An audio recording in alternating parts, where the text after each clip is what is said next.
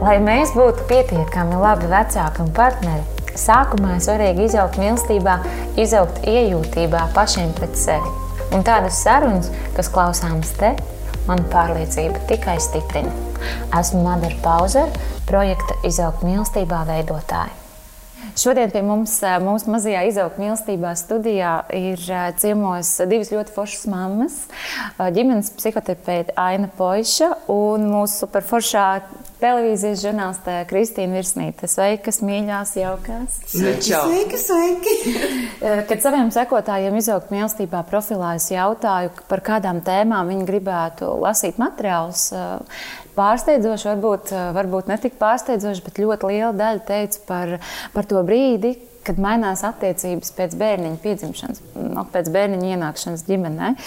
Un jāsaka, ka man pašai arī, mm, nu, es nepazīstu nevienu pāri, kuram, kuram tas nebūtu nesis savus izaicinājumus un, un sašūpojis šo attiecību kuģi. Citam vairāk, citam varbūt mazāk, bet nu, izaicinājumi man šķiet, ka ir katram pārim. Kristīna, varbūt, ja mēs tev tagad lūgtu atgriezties teju 11 gadus atpakaļ, vai tu atceries to laiku un, un jūsu attiecības? Attiecības ar vīru, kā, kā, bija, kā jums klājās to, tajā brīdī? Nu, redzi, man ir divas pieredzes, jo man ir divi bērni, un viņas ir uh, krasi pretējas. Uh -huh. uh, toreiz, pirms 11 gadiem, kad mums piedzima meitiņa, uh, viņa piedzima tādā ļoti mums emocionāli grūtā laikā. Man uh, vīra uzņēmums bija tikko nobankrotējis. Um, viņam bija milzīgs uzņēmums, uh, mēs dzīvojām ļoti pārtikuši, mums nekā netrūka. Mēs jā, mēs tā droši dzīvojām. Un vienā dienā mums vairs nebija nekā. Mēs atņēmām visu.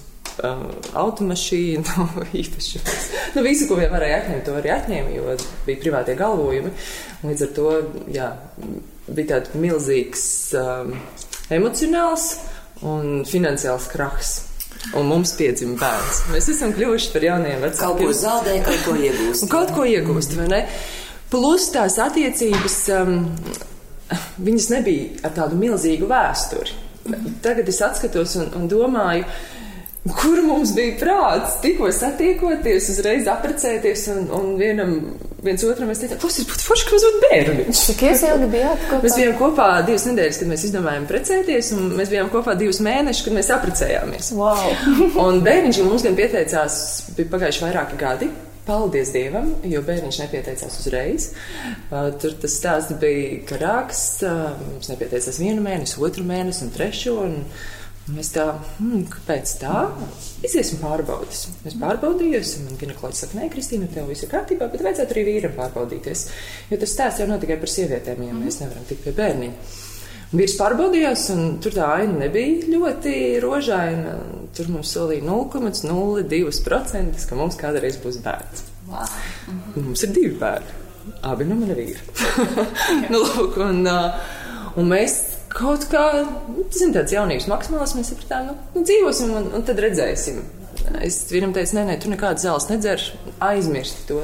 Es ar tevi satikos nevis tāpēc, ka tev ir ģeniāls genofons, bet uh, Mēs vienkārši satikāmies. Es vēlos būt ar tevi. Un tad jau arī laiks rādīs. Mm. Un laiks gāja, un mēs jau sākām plānot uh, milzīgas ieceres, kā mēs brauksim te apkārt pasaulē, ko mēs darīsim. Un, un mēs uzzinājām, ka mums būs bērns. Un es atceros, uh, es vīram lūdzu nopirkt grūtniecības testu, lai viņš atnes man viņu mājās. Un viņš gatavoja vakariņas, un es teicu, nē, es esmu lasījis, ka testus taisa no rīta.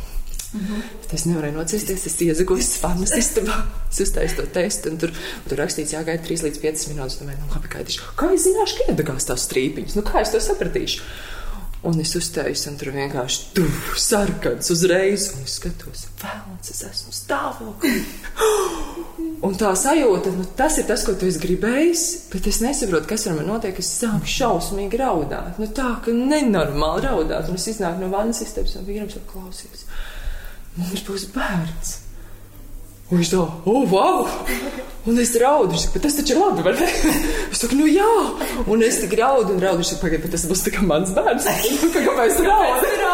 Es saku, nē, nē, nu tā kā tavs bērns. Un, un es, tās emocijas bija neaprakstāmas. Es atceros, nākamā dienā es eju pa ielu un tukšs Rīgas centrs pie saktas tirdziņa. Un es domāju, jā, pārskriešu par to sarkano. Pēc, nē, Kristīna, Es jums nevaru atļauties. Tas stāvoklis, kas nedrīkst skriet pār sarkanu. Un zin, tas gaidību laiks bija tāds, um, tas sākums uh, bija tāda neziņa un taustīšanās. Tad man sākās milzīgs toksikos. Man likās, ka es uh, šķiršos no šīs dzīves vispār, jo tas bija milzīgi grūts un izaicinošs laiks. Es no kā es nenonācu slimnīcā pie sistēmām, bet kaut kā tas, tas viss notika. Un tad, kad tuvojās bē, laiks bērniņa piedzimšanai, sākās brīnumi, jā. Visas tās finansiālās lietas, un mēs saprotam, ka baigi strūtīgi. Īsi pirms piedzimšanas. Īsti pirms piedzimšanas, jā, mēs dzīvojām vecrīgā, un astoņas dienas pirms uh, piedzima meitiņa mēs pārvācāmies prom no vecrīgas, mēs sapratām, nu viens mēs nevaram atļauties tik tādu dzīvokli, otrs ir es arī vairs negribu vecrīgā dzīvot, bruģis un vispārējais, mēs aizvācāmies uz ļoti foršu dzīvoklī, netālu no dzemdībām. Uh, bet tā sajūta, ka tu saproti, nu, ir tāda neziņa, jo vīrs milzīgi arī to pārdzīvoja, protams, šo finansiālo krīzi, un viņš īsti ar mani nerunāja, viņš noslēdzās, un, un es pretī tādā neziņā. Un, Un vēl dzimis bērns, un mēs vēl nesapratām, vai viņš būs dzemdībās blakus vai nē. Viņš saka, es nezinu, man ir bail, kā mēs to varēsim. Bet vienā dienā es jums saku, klausies, es zinu, ka tev ir bail, bet man būs jāpiedzemdē. Man nav variantu. Man arī ir ļoti, ļoti bail. Viņš bija klāt dzemdībās, un dzemdības uh, bija ok. Tās nebija, protams, tādas kā otrā bērniņa dzemdības. Uh, bet nu, piedzimtas bērniņš, un mēs kaut kā menedžējāmies, bet mēs kaut kā menedžējāmies, tāpēc, ka nu, tā, tas finansiālais jautājums vēl papildus. Un, un tas, ka tu vispār nesaproti, kas ar tevi notiek, es atceros no rīta pamostos, vīrs aiziet uz savos darbos, un pēkšņi es atjēdzos, ir seši vakarā, ir tumšs, jo bija ziema. Es ar slotu rokā stāvu virtuvē, es nesaprotu, ko, ko es tajā dienā darīju, kas bija. Vīrs nāk mājās, māja ir drosmīgā bardakā, es esmu pidžamā izpūrušiem matiem, un es tādu, ah, es apsēžos pie galda un raudu. Un vīrs ienāk mājā un saka, kas tev ir? Es saku, es nezinu, kas man ir. Mm -hmm. Un es raudu, es saku, bet es zinu, ka es esmu ritīgi nelaimīga. Viņš saka, bet kā tu vari būt nelaimīga? Mums tikko piedzimis bērns.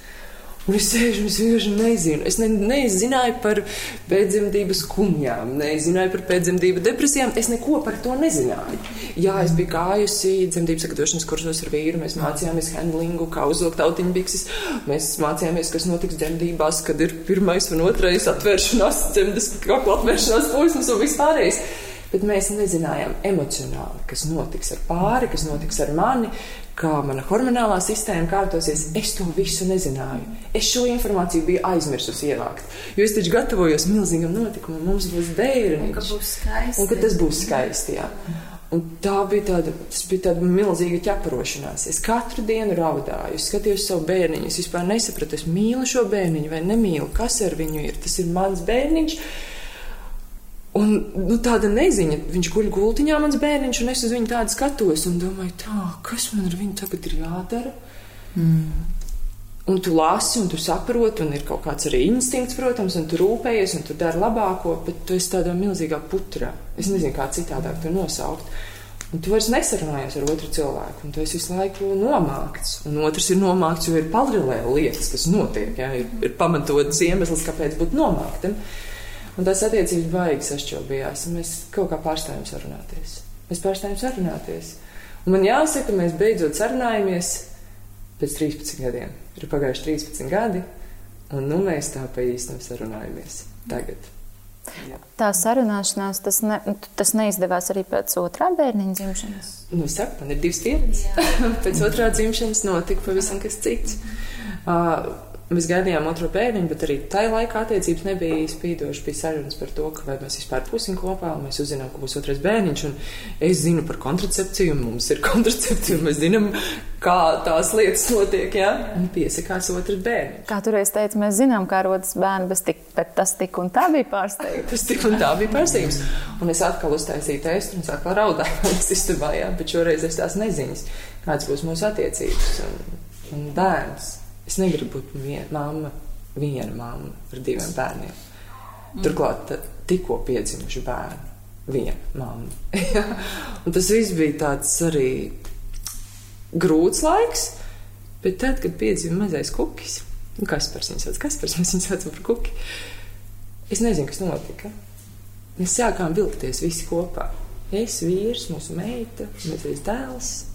Mēs kaut kā tā viens pie otra savilkāmies un sapratām, ka ir kaut kas jādara, ka ir jādzīvo sakarīgāk. ka tā mēs dzīvot nevaram. Un, nu, viņam ir trīs gadi un astoņi mēneši. Es eju psihoterapijā. un beidzot mums ir foršas attiecības.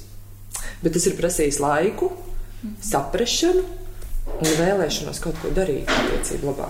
Attiecības pašas nekārtojas. Tu, tā, tu zini to, vai ne? Ļoti labi. Nekas skāpis pats nesakārtojas, ka es apstājos viņam blā pretī un domāju, nu, ka plaukti tādi nekārtīgi. Nu, aiziet, aiziet, nu, smukums rodies. Jā. Nenotiek tā.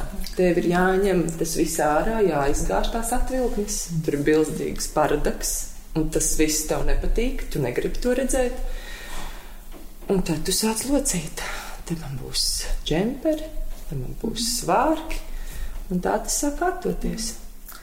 Aina pastāst, varbūt, kāpēc vispār šādas krīzes rodās un, un no kurienes tas um, avots, kur tas avots? Mēs tas bija tik arī izteiksmīgs stāsts, ka tie stāsti, kas nāk no dzīves, viņa arī iedod tās atbildes uz tiem jautājumiem, jo Teorētiski par to runā, un sevišķi domāju, tas jautājums, ka pirmszemdībām, ja runā arī par emocionālām pārmaiņām, ka tā būs tāda liela notikuma ienākšana, kas vienmēr satricina esošo pasauli, tad parasti jaunie pāri ar mums tā nenotiks, vai viņi vispār nespēja koncentrēties uz to kad man bieži vien ir nu, bijusi arī tāda vajadzība runāt un prognozēt tās lietas, lai cilvēki ir kā gatavāki. Tad tieši tā kā tu stāst, un tad tu satiec pēc laika, tas pāris jau ir krīzē, jo nav tā laikam uztvere spējīga, nu, paņemt tik daudz informācijas, jo tev ir jātiek galā ar to skatu, uz kuru ir uznākuši divi cilvēki. Tu negribi arī tik galā to. Tu negribi tik galā, bet vienkārši es tā iedomājos, nu kā es varētu tev tā pa smuku atbildēt uz to jautājumu. Un uz tā skatos, tie divi cilvēki vēl nezina ceļu satiksmes noteikumus. Nu, kurš brauks, kur brauks, kāds būs maršruts, kurš stūrēs, kurš rūpēsies par svaigu gaisu un, un tam līdzīgi tādās līdzībās runā. Tas paņem ļoti daudz spēku, vispār cilvēki ir arī savās ģimenēs iemācījušies skapi kārtot, bet ļoti daudz jau mēs nākam no izcelsmes ģimenēm, kas ir pieraduši pie skapi nekārtošanas, un tā šķiet tā kā norma, jeb kā pašsaprota. Nu, kas mēs apprecāmies, un tad piedzimst bērnu, kaut kā jau viss tiek galā, kad nav tās prasības tik nopietnas, jo nav rēķināšanās ar to, kādas sekas ir bērnam, ja vecāki nesakārto savas attiecības, ka Daudzi no mums nav pietiekami laimīgi, tāpēc, ka mums nav tas pamats mājā ielikts, jo mēs esam redzējuši to, ko esam redzējuši, un ja mēs nerevidējam, mēs negribot nododam tālāk to, jo var jau dzīvot, no tā jau nemirst. Tas kaps jau var būt tāds, kāds viņš ir, nemirs no tā kristīna. Un, kad paskatās, cilvēki daudz labāk eh, izšķirās eh, rūpēties par to, lai viņiem ir ceļojumi vai lai viņi topā turās līmenī ar citiem cilvēkiem, lai viņi sociāli adekvāti ir, bet nerūpējās par savu iekšpusīti. Mhm. Un tas reizēm ir tas trakākais, un tā bērniņa ienākšana, nu, saka, man ir parasti tāda interesanta viena maza etīdīte, ko es mēdzu pāriem izspēlēt. Piemēram, jūs esat divas, es esmu trešais, es tevi nozogu tev, es izjaucu pāri un paņemu tevi sev. Un tu skaties, mēs tagad esam baigi aliansē.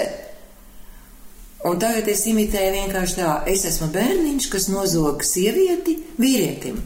Ja vīrietis nav nobriedis, ja viņš pats ir kā iekšējais bērns, kuram vajag ļoti daudz uzmanības, kuram vajag kaut kādu ideālo māti savā sievā, vai nu tādu, kas nemitīgi apliecina mīlestību un rūpes un uzmanību, kad viņš viens nevar būt patstāvīgs kaut kādu savu iemeslu dēļ, tad tā nozagšana Īstenībā ir drausmīgs pārbaudījums. Mēdz būt vīrieši, kas kļūst greizsirdīgi uz bērnu, bet par to skaļi nevar runāt, jo tas taču kā izklausās, vai ne? Tāpat kā bērns, tas taču ir mans bērns, tāpat kā mamma. Es skatos, man taču viņš ir jāmīl, bet es nezinu, ko ar viņu iesākt. Un vīrietis arī no zīdaiņiem bieži vien jau baidās. Viņam liekas, viņš ir tik maziņš, nu, ka tā jau ir sieviešu darīšana. Plus vēl tāds slēpts aizvainojums ir par to, kad ir izjaukts viens musturs un jāsāk dzīvot pilnīgi citām uzturī, un ka tā sieviete jūtās tā kā starp dzirnakmeņiem. Uh, Sievietes mēdz būt arī gudrākas un intuitīvi. Viņām ir vieglāk sadalīt uzmanības. Ok, man ir bērns, bet man nāk mājās vīrs, jau pēc man ir bardaks. Viņš taču arī gribēs, viņš pelna naudu un tiek menedžēta nu, tā uzmanības sadalīšana. Es aprūpēju bērnu, bet es arī vīru cenšos pamanīt, bet mēdz būt, ka tā nenotiek. Māma pieslēdzās tikai bērnam, un tas vīrs nu, kaut kur tur ganās. Nu, labi, viņš atnāk mājās, pats viņš zina, kur ir leduskapis. Un tas uzstājas arī tādu atcelumu, jo tas vīrietis tomēr arī grib saņemt kaut kādu novērtējumu caur rūpēm, kad bērns nevar būt karalis.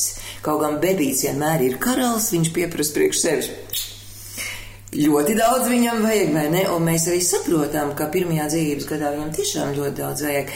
Bet tas izaicinājums ir, ja tajā trīsstūrī neatrod kaut kā tādu harmonisku kopā būšanu ātrāk nekā pēc 13 gadiem, tad vienmēr ir tas risks eh, būt kopā vai nē, jo tā tuvība pazūd. Tā tuvība veidojās ar bērnu, kuram tiek uzlikts, ka sloks viņam ir jāsavelk tā ģimene kopā, bet ne visiem bērniem tās dvēselītes ir saņēmuši tādu uzdevumu. Amēlijai nebija tāds uzdevums. Kokiem bija tāds mm. uzdevums, un šito mēs nekad nevaram zināt, ar kādu uzdevumu tas bērns ienāk tajā ģimenes vidē, ko viņš varētu labi izdarīt. Pirmais bērns reizēm saka, nu, tiksiet galā vai nē, es neiesaistīšos, es būšu es pats, piemēram. Bet otrais bērns saka, Ja jūs uz mani vairāk skatīsieties, varbūt jūs iemācīsieties mīlestību. Ko jūs varat dot arī viens otram? Paraudām atkal drusciņi, mēs uz šito esam ļoti ladzīgs. Vai ne? Un tad liekas, viss ir ieguvēji, un ka tas bērniņš jau to nezin, ka viņš tik daudz iedod. Bet viņš ar savu atnākšanu iedod to, un tas ir veiksmes stāsts, bet nevienmēr tā notiek. Tāpēc tā nesautība, kas ir vajadzīga bērnam, Es domāju, viņi drusku pieprasa, lai vecāki ir mm, emocionāli nobriedušāki. Bet mēs zinām, ka tā tam ir jābūt, bet mēs mācāmies sev nesodīt, ja tas tā nav sanācis. Jo mēs esam tikai cilvēki. Un agrāk vai vēlāk, es domāju, tāpat ir cilvēki, kas izvēlēsies kaut kādu attīstības ceļu. Nu, tā kā analizēt vai uzlabot komunikāciju, vai lasot, vai ejot psihoterapijā, vienalga ir tik daudz iespējas, ka tu vari augt. Jo tā skapja kārtošana, cik tā ir tā fiziskā pamatvajadzība, ka mums vajag kaut kādas pamatlietas, bet attiecības ir kaut kas tik trausls. Nu, ja varētu attiecības tieši tāpat kā skapti, džemperi, tas tādā lietu kārtībā, bet tā tuvība un mīlestība, nu, viņa nav ieliekama grāmatā. Viņa tikai sajūtās. Un tev ir jārēķinās ar to, ka tev ir kaut kas, ko tu vari man dot, tev ir kaut kas, bet visu jūs man nevarat dot. Kaut kas man ir jāpaņem arī no pasaules, nu pašai ar savu atbildību, vai ne? Nevis jāpaģēr, kad jūs esat atbildīgs, lai jūs aizpildītu kaut kādu man tukšumu, man nespēju vienmēr mierināt manas skumjas, jo, kā tu teici, katram ir arī savas lietas, nu, ārpus tās ģimenes. Ģimene jau nav vienīgā vieta, kur mēs sev realizējam, vai ne? Ja mums ir izglītība vai kaut kāda vajadzība savas ambīcijas apmierināt vai vienkārši nu realizēt savu personību. Ne par vēl mēs taču mācāmies un gribam kaut kā dot vairāk ne tikai ģimenē. Līdz ar to tas nav tik vienkārši. Un, zini, man ir prieks, ka no vienas puses daudz saka, Viņa kā sievietes pēc 30, eh, ka viņas tā kā kavējās ar to dzemdēšanu pirmā bērna. Ginekolāgs saka, ai, ai, ai, ai, ai, dabas māte saka, ka tas tomēr ir jaunības uzdevums, vai ne? Bet emocionāli, es domāju, personības tiešām nobriest tikai ap 30, ja vēl vēlāk. Kad tu atraisies no vecāku ietekmes, nu, kad tu sāc satikt visādus cilvēkus savā dzīvē un ļaut, lai arī viņi tevi ietekmē, un tu sāc atlasīt, nu, kas tev der, kas tev neder, un izveidot kaut kādu savu kodoliņu. Un tad tu esi tāds stabilāks, tad tu neapjūsi informācijas gūzmā, ko dod šie raidījumi, ko dod prese. Tā vai šitā, tā vai šitā, vai šiti jautiņi, vai kādi citi jautiņi, vai šī tāda emocionālā pieeja, vai tāda var apjukt. Ka tā informācija kādreiz nosmacē arī to instinktīvo, jeb to oriģinālo pieeju, vai ne? Līdz ar to, ja tu esi stabils cilvēks, tad tu ļaujies, lai izpaužās tavs resurss, kas ir no tevis, kur arī intuīcija un spēja parūpēties, jeb spēja iemācīties to darīt, spēja sadalīt uzmanību, skapi sakārtot, lai arī lietu kārtība ir tajā lietā, nevis tikai viss ir izplūdes tādās jūtās un ņemšanās ap savām jūtām, redzēt to otru cilvēku, ar kur ir vienkārši jākomunicē. Bet to ir tik viegli pateikt. Kā tur ir ar to pirmo gadu, vai, vai tas pirmais gads ir tāds, ka tētim nu, mazliet varbūt ir jāsaprot, vai, vai tieši pretēji, varbūt, tā pāra attiecības viņas jau uzreiz pēc bērniņa piedzimšanas nedrīkst atstāt novārtā, vai tam nav nekāds tāds mammai laiks, lai mamma saprastu to savu jauno lomu un, un, un, un vietu. Jā. Nu, pirms jau, man liekas, pirms, pirms jau. Tur jau tā lieta, bet redz, kas ir tā nianses, ko Kristīna stāstīja, iet uz sagatavošanas kursiem, kur piedāvājums ir plašā spektrā. Es pieņemu, ka tur noteikti arī ir ideja, kā varētu tās emocijas prognozēt, ko tas mainīs, un lai katrs arī sāk analizēt, ko tas ar mani izdarīs. Vai es spēju godīgi atzīt, vai es eh, varēšu tikt ar to galā? Jo tās būs pārmaiņas, jo man māca saprast, ka bērns privatizē mammu. Un tas tā ir. Tas vispār nav apstrīdams jautājums. Bet mammai arī vajag atpūsties no bērna. Un tad tajā sagatavošanā, ja vīrietim ieceļ, viņu vīrieti ieceļ tādā ļoti nozīmīgā lomā, kad viņš ir galvenais atbalsts mammai, jo mammas jūtas, saņemot atbalstu no vīrieša savu partneri, aiziet bērnam. Ja vīrietis var aizstāt mammu un teikt, es piesedzu tevi, Izej ārā, sakārtos tevi, guli vannā. Paņem laiku sev, vienkārši ievelc gaisu un, un sako pati sevi savā identitātē, jo tā mammas loma ir grūts darbs, es to saprotu. Caur sapratu un empātiju viņš var iemācīties visu darīt ar bērniņu, tā kā otra mamma, un izņemot krūts viņam nav. Vispārējo vīrietis var iemācīties. Un tad, ja sieviete jūt to maigumu un to empātiju, man liekas, no tās attieksmes vien viņa dabū lādiņu, kad viņa var teikt, cik labi, ka tu man to saki. No tā vien man jau paliek labāk, un tas man dod spēku.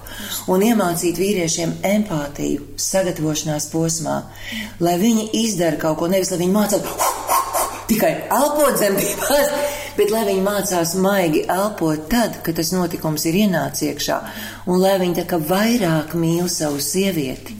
Bērnu viņi iemīlēs pamazām Jo sākumā tiešām viņš ir tikai caur mammu, tas eh, tētis klāt, bet tas nonāk bērniņam. Un ja viņš to saprot, to skēmu, vīrieniem vajag ļoti konkrēti uzzīmēt. I, i, i, pa etapiem.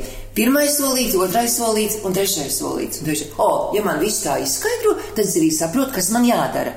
Es zinu, ka man ir jāiemācās elpot, es zinu, ka man ir jāatbalsta savu sievu, jāmīl viņu vairāk, ne tikai jāpājā puncis, kamēr viņi viņu gaida, bet tad, kad tas bērniņš ir, Tad es pajāju viņu, viņas muguriņu. Pie reizes es pajāju viņas smadzenes, lai viņai tie hormoni strādā caur prieku un maigumu, lai tas uh, hormonālais uh, haoss, kas pēc dzemdībām notiek, lai viņš sabalansējas, tāpēc, ka tā ir tāda epizode, kas nemaksā naudu, ko tu vari dabūt no tuvā cilvēka.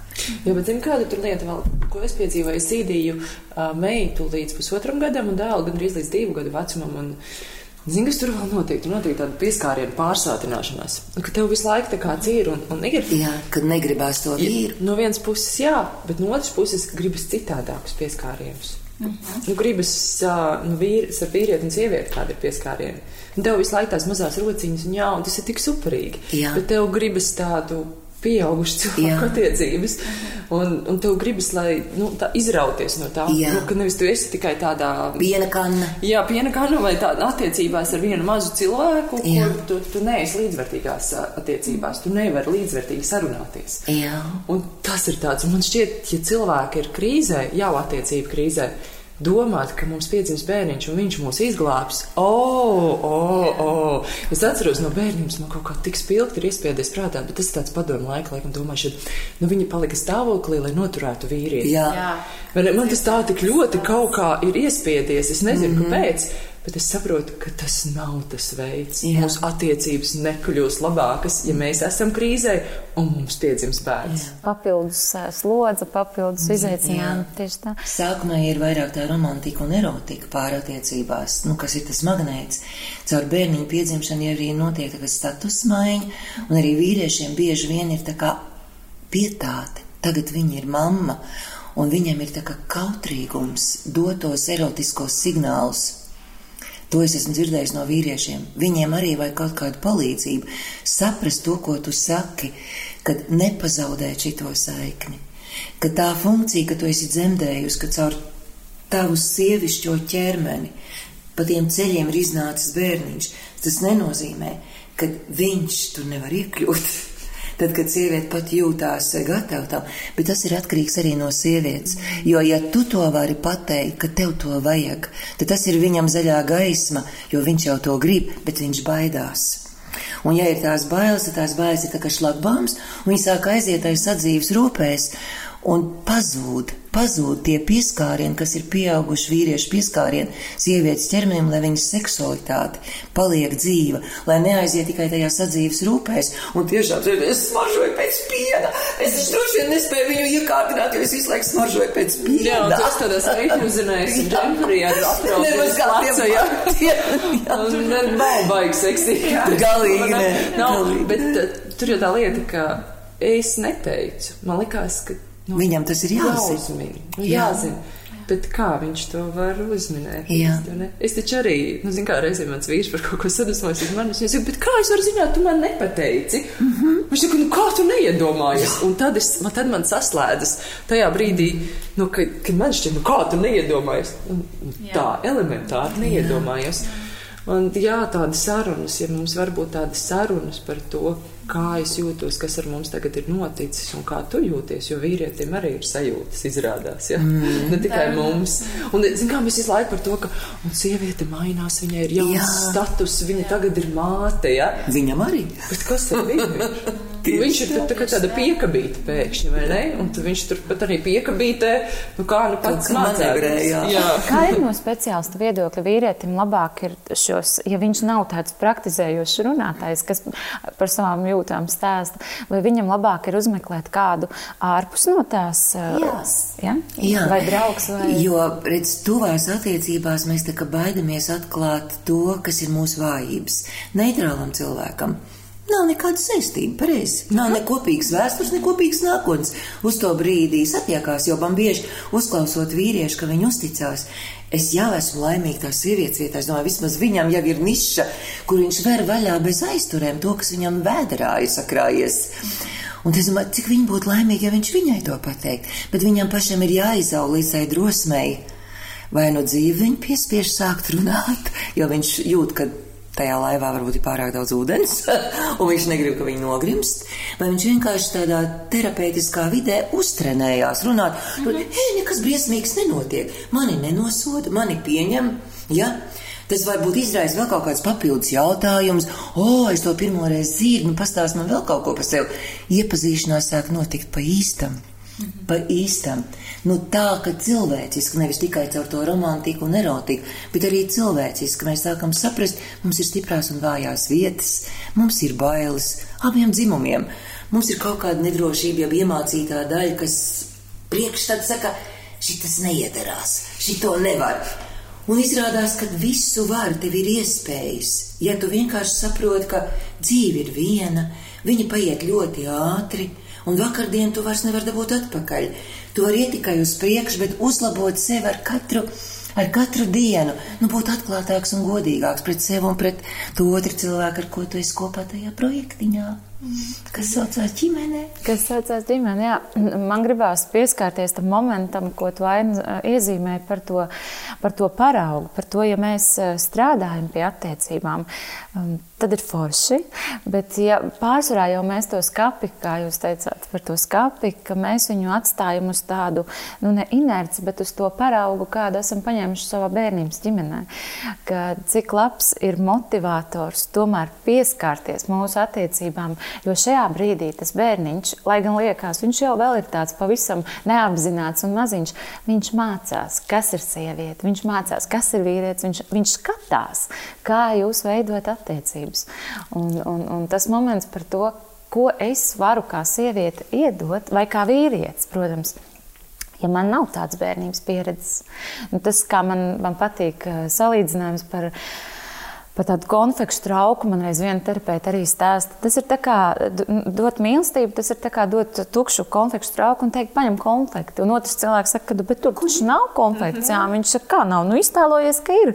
Tas ir apmēram dot to mīlestību tālāk, nu, nodot mīlestību, ko tu neesi saņēmis. Kā ar to rīkoties? Jo, nu, ar to instrumentu, ka tev nav kur pasmelties. Ne tādu dzimtas kaut kādu spēku, ne tādu gudrību, ne tādu problēmu risinājumu. Un, nu.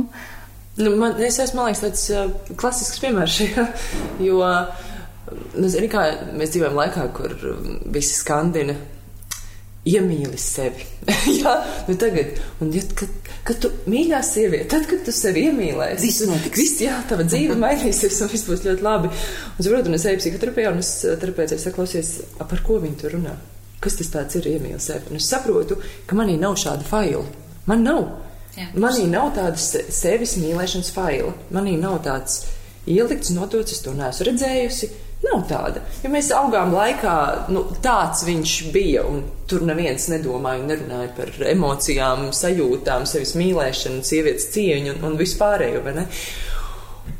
Un tad tu mācies to no jauna. Un man šķiet, uh, ne tikai mums jāiet un jārisina attiecības, bet mums jāsakārto sa, sa, savas Jā. attiecības, attiecības ar sevi. Jāsaprot, kas es vispār tāds esmu, kas ir manas vērtības, kā es jūtu pasauli, kā es tveru citus cilvēkus, kā es tveru vispār sevi. Un tad jau tās attiecību kārtošanas Jā. notiek pavisam citā līmenī un citādāk. Un tajā brīdī, kad es sāku kārtot sevi, Sakārtot. es nezinu, kāds maģiks notiek, bet sāk kārtoties attiecības. Es pēkšņi varu runāt ar otru cilvēku, un otrs cilvēks atsaucas un arī runā. Un es domāju, ka tikai caur sevis tāda sava skāpīša sakārtošanas pirms. Un te es paņēmu tiltiņu no tā, ko es teicu par vīriešiem, kur psihoterapijā sāk veidot attiecības ar, piemēram, mani kā sievieti. Mm -hmm tad simboliski viņi iegūst jaunu piesaistes veidu, kas viņiem ir kā deficīts no mammas, kas ir tā mūsu vēsture, kad bērniņš piedzimtais laikos, tad bērniņš tika paņemts nos no mammas, nevis saglabāt emocionālā piesaist, fiziski pārgriež nabas saiti, bet atņemot bērniņu tika pārgriezt emocionālā saiti. Līdz ar to mums ir traumēta piesaiste, un tā ir atbildīga par to, ka mēs veidojam tuvas atklātas attiecības, ka mums ir tie spoguļi neironi tādā līmenī, ka mēs nebaidamies no tuvības, jo mums ir ielikta laba pieredze, ja mums viņa nav tad tas ir tas, kas ir jāārstē psihoterapijā, nevis tikai no žurnāliem mīli sevi, mm. bet tev ir jāpieņem, ka tā situācija nav maināma, bet tu vari mācīties uzticēties vai no terapeitiskās attiecībās, vai tu pats sev stādi kā mērķi Trenē uzticēties cilvēkiem, trenē apzinoties, ka tev tas nav, neizliecies, ka tev tas ir. Jo mūsu sabiedrībā cilvēki bieži vien izliekās, ka tas ir. Jo ir pieprasījums, mums jābūt komunikabliem, mums ir jābūt veiksmīgiem, mēs ietrenējam seju, kādu mums vajag dažādās situācijās lietot. Bet līdz ko mēs aizjām uz šo te intimitāti, mīlestības ar vīrieti un sievieti, un bērniņš, kas ienāks ar vīrieti un sievieti, Tā ir tīra monēta, un tur nevar samelot. Tāpēc tās uzvedības bieži vien ir, kad bērniņam ienākot, tu pēkšņi saproti, man nav ko dot. Bet ir kauns tajā atzīties, jo tu nesaproti, kā tu lai viņi izveido šo te saķeri, jo tev nav mehānismu iekšā. Tu vari nomainīt pampers un ielikt viskaistākajos ratiņos, bet tas nenāk no šīs vietas un vīrietim ir līdzīgi. Un tad kāda nu katram ir tā trauma, vai tā ir izvairīgā piesaist, ka tu vienkārši tā, mēģini distancēties un izvairīties, vai tā ir trauksmainā piesaist, kad vispār paliec ļoti neirotisks, histērisks un tādā haosā. Tas nāk no bērnības. Tas nāk no bērnības, tas nāk no tā pirmā mirkļa, bērniņš piedzimst. Kas ir tas notikums, kāds viņš bija? Vai mamma bija spējīga pieslēgties. Tas, par ko mēs runājam tagad, kad cilvēki ir gudrāki, viņi apgūst piesaistes teoriju. Viņi saprot, ka šis ir pirmais, kas nobriedina personību, ka tu vari izmainīt scenāriju apzinātā veidā, bet tas nenozīmē, ka tev nekad neparādīsies kaut kādi vājie mirkļi, bet tu vismaz viņus ieraugi un vari nobremzēt. Un ja arī tu kļūdies, tu saki, piedošana vecie putni izlidoja. Tas ir kā mēs zejamies.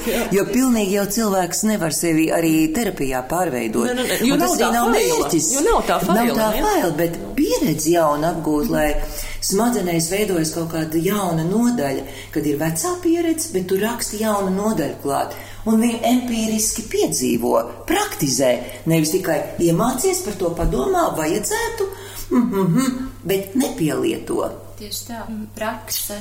Jā, prakse, prakse, vēlreiz prakse. Baigi jau nepatīk. Jo, zini, kā daudz saka, lai tu fiziski labi justos, ir jāvingro. Nu, nu nē, nu, taču varētu būt kaut kas cits. Nu, izdomājiet kaut, kaut ko citu. Ja.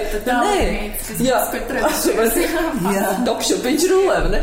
Bet uh, nav tikai prakse, un tāpat arī attiecība. Tikai prakse un, un jaun, no jauna mācīšanās. Tikai prakse neiet, vajag kludi. Man patīk, kā man terapeits saka. Tas ir galvenais viss būs šādi. Ja? Nu, tā tā attīstība mm -hmm. notiks tāda, bet svarīgi, lai viņa ir tā, nevis tā. Tā amplitūda milzīga. Tā kā, tā kā cirvītī, ka tu ieliec ūdenī, ja? nevis tā, bet ka būs viļņi augšā lejā, augšā lejā, bet ka viņi ir vērsti tomēr pozitīvā virzienā. Mm -hmm. Jā. Vai arī tā amplitūda vienkārši samazinās, jā. jo sākumā, es domāju, bieži vien ir tāda galēja. Un kritiena. Jā, oh, ļoti liels eiforijas jā. un ļoti liela bedra.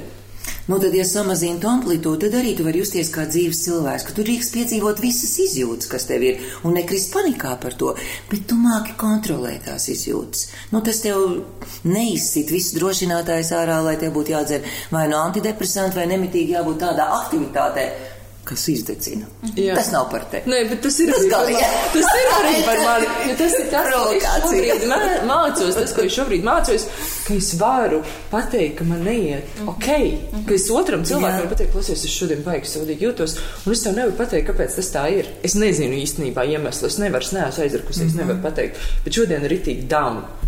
Un, kad tas otrs cilvēks saprot un rēķinās ar to, viņš nenāk man virsū, neprasē mani un nepieprasa Jā. no manis, ja? ka mēs varam sarunāties. Un tāpat arī mans vīrs pasaka, ka, zini, kā, vajadzētu būt baigi labi, jo it kā viss ir labi. Bet kāpēc tā?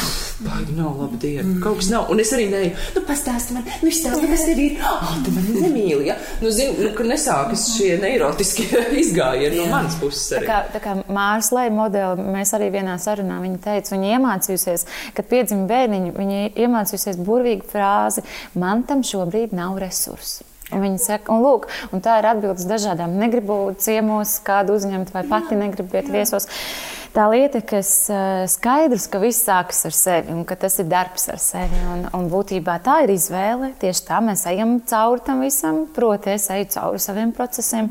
Kāpēc tās attiecības varbūt šajā brīdī ir tādas? Jo es kā personība esmu kaut kādā posmā, bet uh, ceļš uz terapiju nereti un, un, un, un man gribas teikt, nereti. Beidzas ar to, ka varbūt sieviete saprot, ka šīs nav tās attiecības. Vai vīrietis saprot, šīs nav tās attiecības, kurā brīdī viņš kā personība ir izaudzis vai, vai paaudzies mazliet, kaut un viņš redz aprises, ka viņš grib citādāk. Kā ar to šķiršanās momentu, ar to šķiršanās procentu, kas ir augsts, man gribas teikt, ka ne šķiršanās ir rādītājs, bet kvalitatīva dzīve un kvalitatīvas attiecības ir rādītājs. Kā ar to, kā varbūt saprast, ka varbūt tās. Um, tiešām vairs nav jāmēģina. Vai tieši pretēji, kad nesasteigt, varbūt, kad nesas, kā nesastrapt karstu. Ui, tas ir eh, diezgan smagi arī terapeitiem, jo visiem jau gribas, eh, lai ir kaut kāds iznākums, kas ir nu, tāds gandarījums. Jo nav tikai frāzes, ka ģimenei ir vērtība. Un saprast, eh, kā tu vari palīdzēt cilvēkiem pašiem novērtēt. Jo man var gribēties, bet es tāpat nevaru piepildīt to, ko man gribās. Man ir jāredz, ko tie cilvēki grib, uz ko viņi spēj, kāds ir viņiem resurs. Un tad vienīgais, ko var palīdzēt, vai tās ir grūtības, vai tas tiešām ir tā, ka ir bankrots pa visām vīlēm. Un kādreiz cilvēki grib šķirties tikai tad, kad redz, tās ir grūtības. Mēs varam šeit piestrādāt. Bet man ir jādabū pilnvara, nu ne tikai man, arī maniem kolēģiem, kad viņi to grib darīt un ka viņi ir atbildīgi to arī praktizēt. Nevis viņi atnāks parunās reiz nedēļā vai divreiz mēnesī. Un tad, oh, mēs ejam pie terapeita, nu tagad kaut kam ir jānotiek, ja? Bet viņi nepildīs tos mājas darbus, ko parasti arī dod. Nu, pamēģiniet kaut ko ieviest savā dzīvē savādāk, lai jums pašiem ir salīdzinājums, ka tā bija grūtība, nevis izmisums un šķiršanās kā nenovēršamā risinājuma lieta, kas, protams, tā arī ir. Un, eh, zinu, parasti es baigi arī kaut kā cilvēciski raudu kopā, kad manā kabinetā ir bijušas tādas situācijas, kad mājās, piemēram, viens svaigs gadījums, ka vīrietis pasaka savai draudzenei, ka mums vairs neiet kopā. Mēs esam nu, tajā vienā posmā bijuši ļoti saderīgi. Un kamēr mums nav bērnu, un kamēr tu nebaro sev ar ilūzijām, ka mums būs kāzas un mums būs bērni, es jūtu, ka mums neder kaut kas, kas ir ļoti nopietna nesaderība. Mhm. Viņi, protams, to izstumi, jo tas ir smagi, jo viņi domā savādāk. Un uh, viņa sāk iet pēc atbalsta savā individuālā terapijā, jo bija pēkā krīze. Un viņa lūdza tai terapeitē, lai piezvan tam vīrietim, lai viņš atnāk un vēlreiz viņai pasaka acīs, ka tas ir nopietni, kad ir ļoti grūti to pieņemt. Bet viens cits gadījums bija, kad viņi atnāk abi divi arī pie manis, un viņš pirmo reizi pasaka, nu, tai sievietei, kad es eju prom, un viņa sabrūk acu priekšā. Jā. Un tas ir tā cilvēciski ļoti grūti, bet tu saproti, ka vienīgais, ko tu vari darīt, ir saglabāt neutralitāti un respektēt tā cilvēku lēmumu. Ja tu viņu kaut cik necik pazīsti, ka tas ir pārdomāts lēmums, tas nav tāds hop, tad atliek to respektēt un palīdzēt tai sievietei saprast, ko ir viegli pateikt, bet grūti izdarīt, ka tam būs vajadzīgs laiks, lai viņi to sagramo, ka tas būs noliegums, bet pasarg Dievs, lai viņi nepazemojās, lai viņi nepazaudēs sevi tik grūtā brīdī, kas sievietēm parasti ir vājais punkts. Viņas pazaudēs sevi un tās kopējās idejas vārdā, jeb savu sakņu vārdā, viņas uz ceļiem rāpo vīrietim pakaļ ķeras bikšu tērbelēs, un tas ir ļoti traki. Tas vīrietim izsauc tikai žēlumu, bet tas nemaina viņa lēmumu. Jo mūsu vecmāmiņas jau teica, kas ir gājējis, tas iet, kas ir slīcējis, tas slīkst. Ciniski, bet fakts. Ja tā būs viņa kļūda, tad tas būs viņa dzīves jautājums, vai viņš sapratīs savu kļūdu un nāks pēc kāda laika un teikt, piedod, es tiešām kļūdījos, es nenovērtēju, vai es pats biju tik negatavs. Arī tā notiek. Bet mēs to nevaram izzīmēt kafijas biezumos. Bet vienkārši tas fakts kā tāds, ka kādreiz šķiroties uz tā zaudējuma bāzes, mēs varam arī progresēt. Un tā ir labā ziņa, ka kādreiz saka, jā, tā ir jūsu izvēle.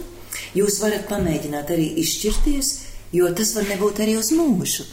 Jūs varat nesadedzināt tiltus, bet, ja jūs gribat, jūs varat sadedzināt tiltus. Jūs veidojat savu dzīvi. Ir vairāk varianti. Citādi. Ah, bet tas ir emocionāli smagi. Uh. Ja ir bērni iesaistīti, tad ir Jā, vēl, vēl protams. Nu. Un tad ir tie divējādie uzskati, kad ir eh, pāri, kas saka bērnu dēļ. Mums ir jākļūst atbildīgākiem, un mēs varbūt esam apdomīgāki. Bet ir otra tendence, kad mēs bērniem neliksim piedzīvot to, kas ar mums nekā nav, ka mēs esam vai nu klusējoši un visu laiku stingri spriedzi gaisā, vai mēs esam nemitīgi skandalējoši. Un tas ir neveselīgi. Tā kā šķiršanās reizēm ir viens ķirurģisks akts, bet arī bērns var sagatavot, tāpat kā vīrieti un sieviete var sagatavot dzemdībām, jo tās arī ir savā veidā dzemdības. Tas sāp, bet parasti kaut kas piedzimst jauns. Vai tas būs labāks par iepriekšējo? Jo mēs tikai arī nezinām, kāds bērniņš mums piedzims. Vai viņš būs mierīgs, vai viņš būs nemierīgs, vai ne? Vai mēs iegūsim šķiroties labāku dzīvi, labākas attiecības, vai mēs visu mūžu būsim ar salauztām sirdīm un ar nožēlu sirdī. Šito risku neviens nevar paredzēt. Jā, zin kā parasti arī saka, ka nu, mēs nešķiramies, lai netraumētu bērnu. Jā. vai ne? Iespējams tās attiecības ir tik traumējošas. Jā. Nu, Zinām, ar bērnu traumēšanu es arī esmu sapratusi vienu lietu, ka nu, tas ir tāds milzīgs sloks, ko mums vecākiem arī uzliek ap, mm. apkārtēji. Mēs paši sev arī tikai tu dieva dēļ nekā emocionāli netraumē bērnu. Ja? Mm. Un uh, tas, ko es esmu apguvusi vai sajutusi vai sapratusi, ka iespējams, jā, tas notikums, kas ir noticis, tas bērnam ir ļoti traumējošs, bet mēs nekad dzīvē nezinām, vai tas būs viņa klupšanas mirklis vai spēka avots. Jā, vai spēka avots, kā viņi mm. saka. Tu nekad nezini, kas tas būs. Iespējams, viņš pieaugot, tas būs viņa resurss, kāpēc ar viņu tā ir noticis. Un, nu jā, tas sloks ir milzīgs, un, un tu nevari visu laiku nodzīvot pareizi kādam citam, kaut tas ir tavs bērns, ka mm -hmm. nu, tā ir daļa tevis. Ja?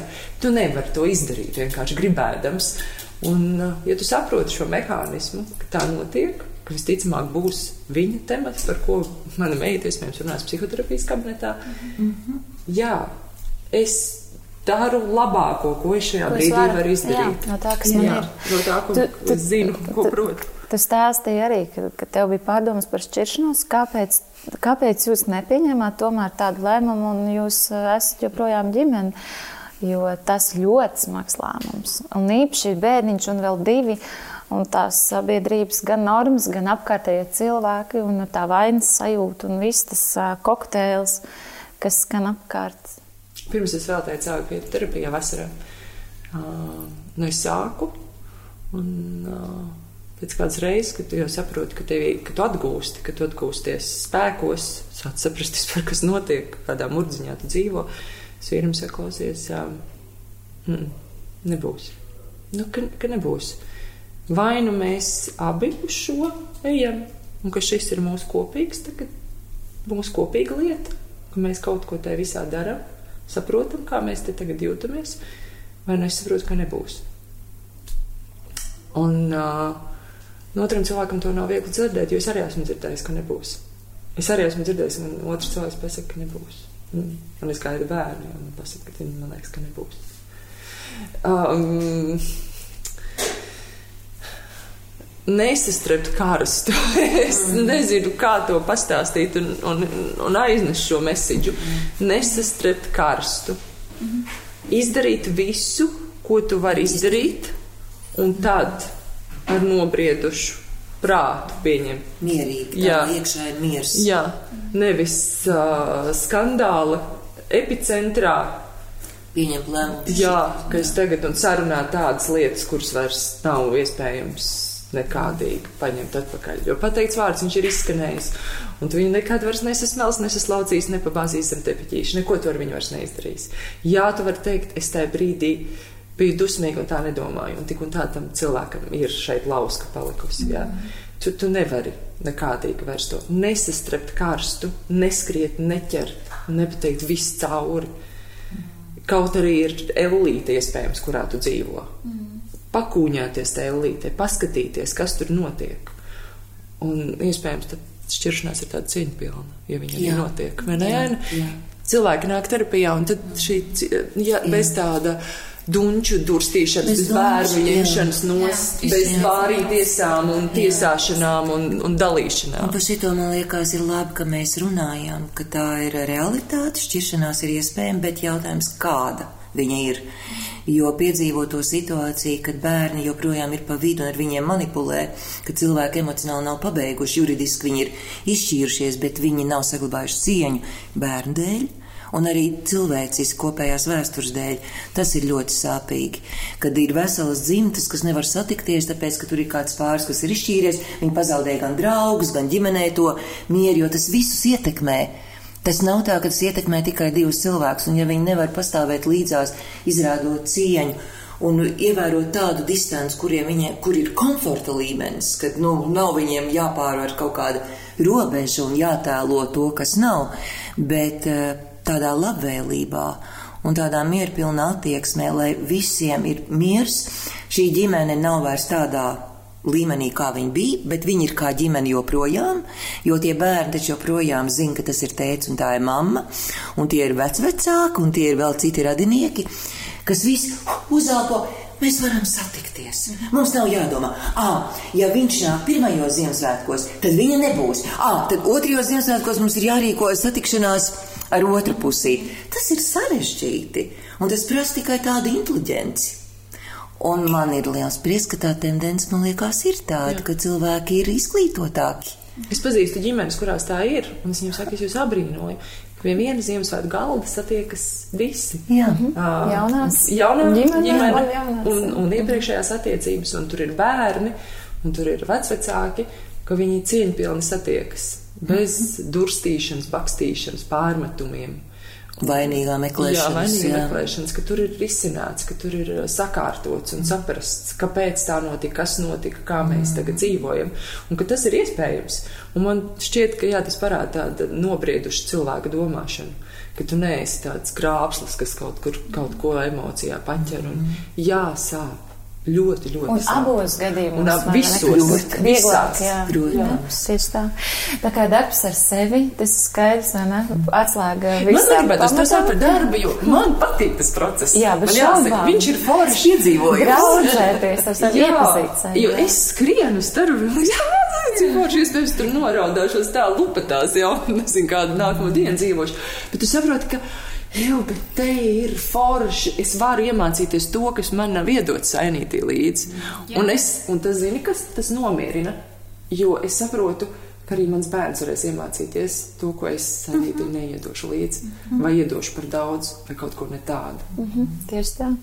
Man uz, pašā sarunas nobeigumā man viens tāds jautājums, kas man vienmēr ir licies interesants, ko beidzot man ir iespēja pajautāt ar to darbu ar sevi un, un attiecībām un bērniem, jo tev ir, tev ir divi bērni, divi lieli bērni un, un trīs superforši mazi bērni un, un viens pavisam maziņš.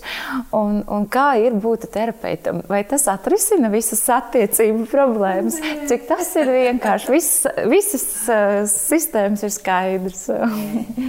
Jo mēs jau paši zobarīs jau nevaram izraut, mēs ejam pie zobārsta. Un vienīgais, kas palīdz, varbūt, ka tu vari ieraudzīt no malas, kas ir ok un kas nav. Un tad izvēlēties varbūt eh, teikumu konstrukciju, kā to Okay. var nodot. Bet emocionāli atrisināt kaut ko nē.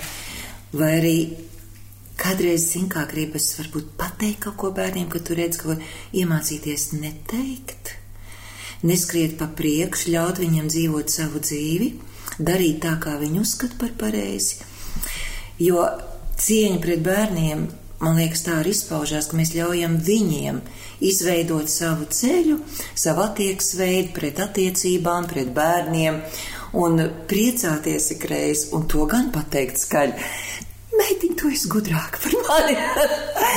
Vai dēls, kā es lepojos, kāds tu esi tētis, ka es redzu, ar kādu maigumu tu izturies pret saviem bērniem. To gan, bet kritiku vai kaut kā tādu, he, tagad notiek tā, to gan nē. Ļaut, lai viss tas tā notiek, un, un tur jau arī ir tas um, spēks, kad visas, es domāju, omītes, kas iekāpj tajā statusā, mācās būt par omītiem, nevis otrais par mamām. Un tas tieši to nozīmē ļaut, lai viss notiek, un ka tu vari tikai būt klāt un priecāties, ka tas notiek. Un ja viņi tev jautā, tad tu vari atbildēt, bet teikt, tāpat jūs darīsiet, kā jūs gribēsiet, jo tas ir jūsu. Tā es nevaru būt profiņš savā ģimenē, un arī negribu. Jo visi grib dzīvot savu cilvēcisko dzīvi, vai ne? Un ja mēs runājam par to, ka visi cilvēki arī grib mācīties, visi terapeiti arī mācās no savām kļūdām, arī cen, ne jau tikai no grāmatām. Jo tā ir dzīves pieredze, kas padara to lietu, nu, dzīvu. Nevis teorētiski. Jā, mīļās, foršās kopā velkot visu, tas sākumā es salīdzināju visas tās iespējamās krīzes, kad piedzimst bērniņš ar tādu braukšanu ar laivu un, un, un, un šūpošanos laivā, tad patiesībā tās ir brauciens. Tādā nezināmajā, īsti nezinu, caur ko tu brauksi, ko tu satiksi. Tas ir tāds ā, process, sevis iepazīšanas, un partneru iepazīšanas un, un bērnu iepazīšanas process, laikam, kas uh, nebeidzās. Jā, Nekad. Nekad. Jūs bijāt brīnišķīgs, jūs esat brīnišķīgs. Un, un par to, ka jūs esat tik foršs un esat atraduši laiku paviesoties pie mums, mums ir arī dāvanas. Mums ir dāvanas, dāvanas jums, no, jo svētki taču tuvojās no mūsu lielajiem draugiem Happy. Un te ir jums katrai pa skaistam sainītim par, Paldies, liels! jā, par to, ka, ka jūs atradāt laiciņu. Marija, tur visādas noderīgas lietas. Tiešām. svētki ir sākušies. Svētki ir sākušies. Paldies, mīļās! Paldies, paldies, paldies! Paldies par iespēju.